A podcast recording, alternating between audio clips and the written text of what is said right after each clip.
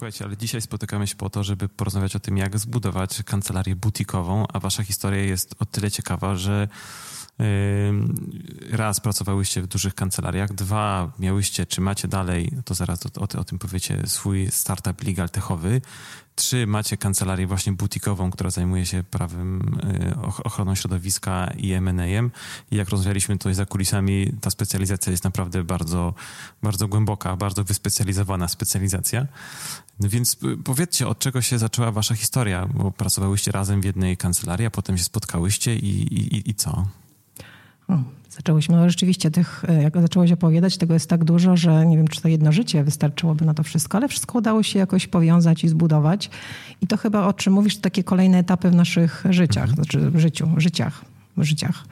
E, spotkałyśmy się w dużej międzynarodowej kancelarii prawnej, e, gdzie pracowałyśmy przy dużych projektach.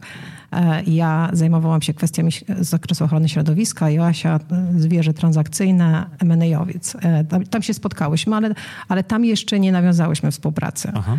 Bo ja odeszłam z kancelarii i założyłam Aha. tutaj tą butikową kancelarię prawa ochrony środowiska. No Jasia jeszcze została. Tak, ja miała zdaje się jeszcze parę lat. Tak, myślę, że tak. Ty jeszcze byłaś kilka lat po moim odejściu. Ja już z tym moim dużym doświadczeniem środowiskowym, wtedy chciałam się bardzo mocno skoncentrować na tej działce środowiskowej, widziałam w niej duży potencjał. E, postanowiłam zbudować kancelarię butikową i rzeczywiście zaczęłam ją budować. I to była taka chyba jedna z pierwszych na rynku kancelarii butikowych. Pamiętam jeszcze była wtedy kancelaria, budował Bartek Raczkowski, kancelarię prawa pracy. Mhm. E, Który to był rok, przypomnij?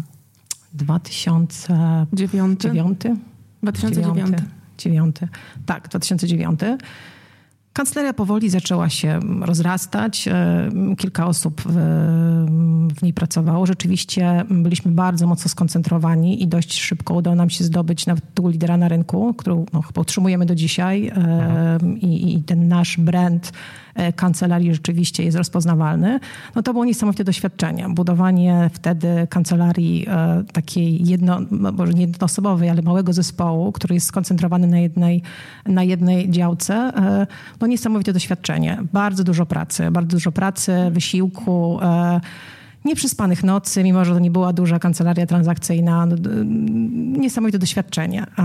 I później spotkałyśmy się z Joasią. Tak, to spotkałyśmy się, e, jak ja e, odchodziłam e, z White and Case. Potem miałam jeszcze rok takiego, takiej przygody z firmą przyrodniczą, którą zarządzałam.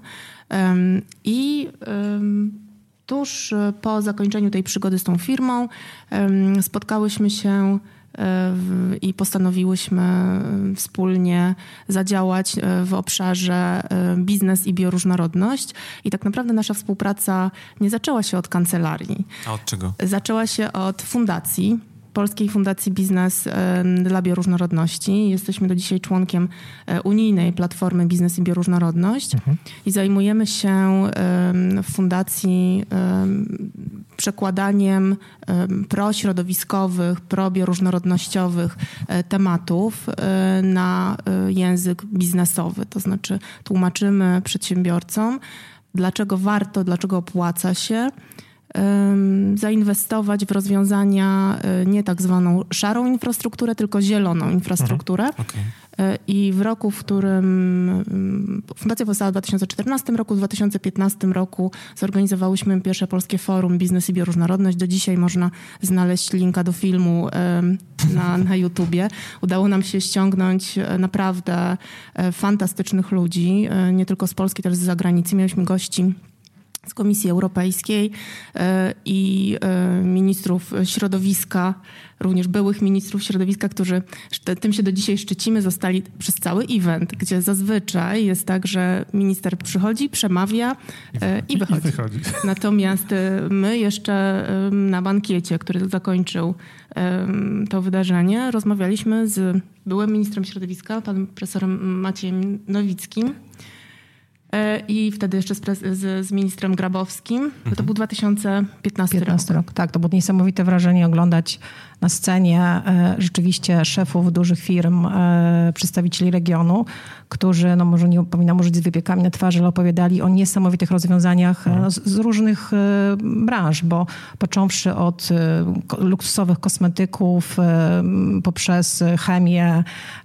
windy, przemysł samolotowy, udało nam się zaprosić przedstawicieli z, co się Winmaker, winiarz, nie winiarz, z Hiszpanii przyjechali Właściciel, właścicieli winnicy. Tak, tak, seniorów rodu, którzy założyli winnicę, biodynamiczną winnicę. winnicę. Pares Balta się nazywa i przyjechała cała rodzina e, z menadżerem mhm. i um, menadżer prezentował sposób, biodynamiczny sposób um, hodowli, podejścia w ogóle do, um, do biznesu. E, no, cała sala, gdzie byli e, prezesi i, i ludzie, którzy się łatwo i szybko też nudzą, jeżeli jest coś nie tak. konkretnego. E, po prostu siedzieli do I końca słuchali, tak, i słuchali. Tak, i biznes było... mówił o przyrodzie, nie organizacje ekologiczne, tak, nie, postawiliśmy, nie działacze, tylko... postawić wszystko na tak zwanej głowie, to znaczy mhm. przekonać ludzi z biznesu, żeby mówili o przyrodzie. Tak. Chciałbym Ci serdecznie podziękować za wysłuchanie tego odcinka podcastu Poza Prawem. Jeżeli nas słuchasz na urządzeniu Apple, na iPhone albo na iPadzie, to bardzo Cię proszę w aplikacji podcasty mm, oceń nasz podcast albo w iTunesie, jeżeli na Macu nas słuchasz, to oceń nasz podcast, e, kliknij pięć gwiazdek, napisz jedno zdanie, dlaczego uważasz, że to jest dobry podcast.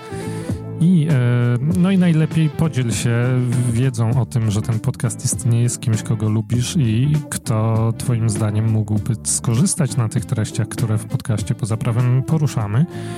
Jeżeli nie słuchasz nas na sprzęcie Apple, to też możesz zostawić recenzję naszego podcastu w aplikacji na przykład Google Podcasts oraz bardzo, bardzo gorąco zachęcamy do tego, żebyś również komuś, kogo lubisz, polecił nasz podcast. Jednej osobie wystarczy. Dzięki temu nasz podcast e, będzie słuchany przez coraz większą ilość ludzi i dzięki temu coraz szersze kręgi będzie zataczała wiedza, która w tym podcaście na pewno sobie gdzieś tam drzemie. Dzięki bardzo i wszystkiego dobrego.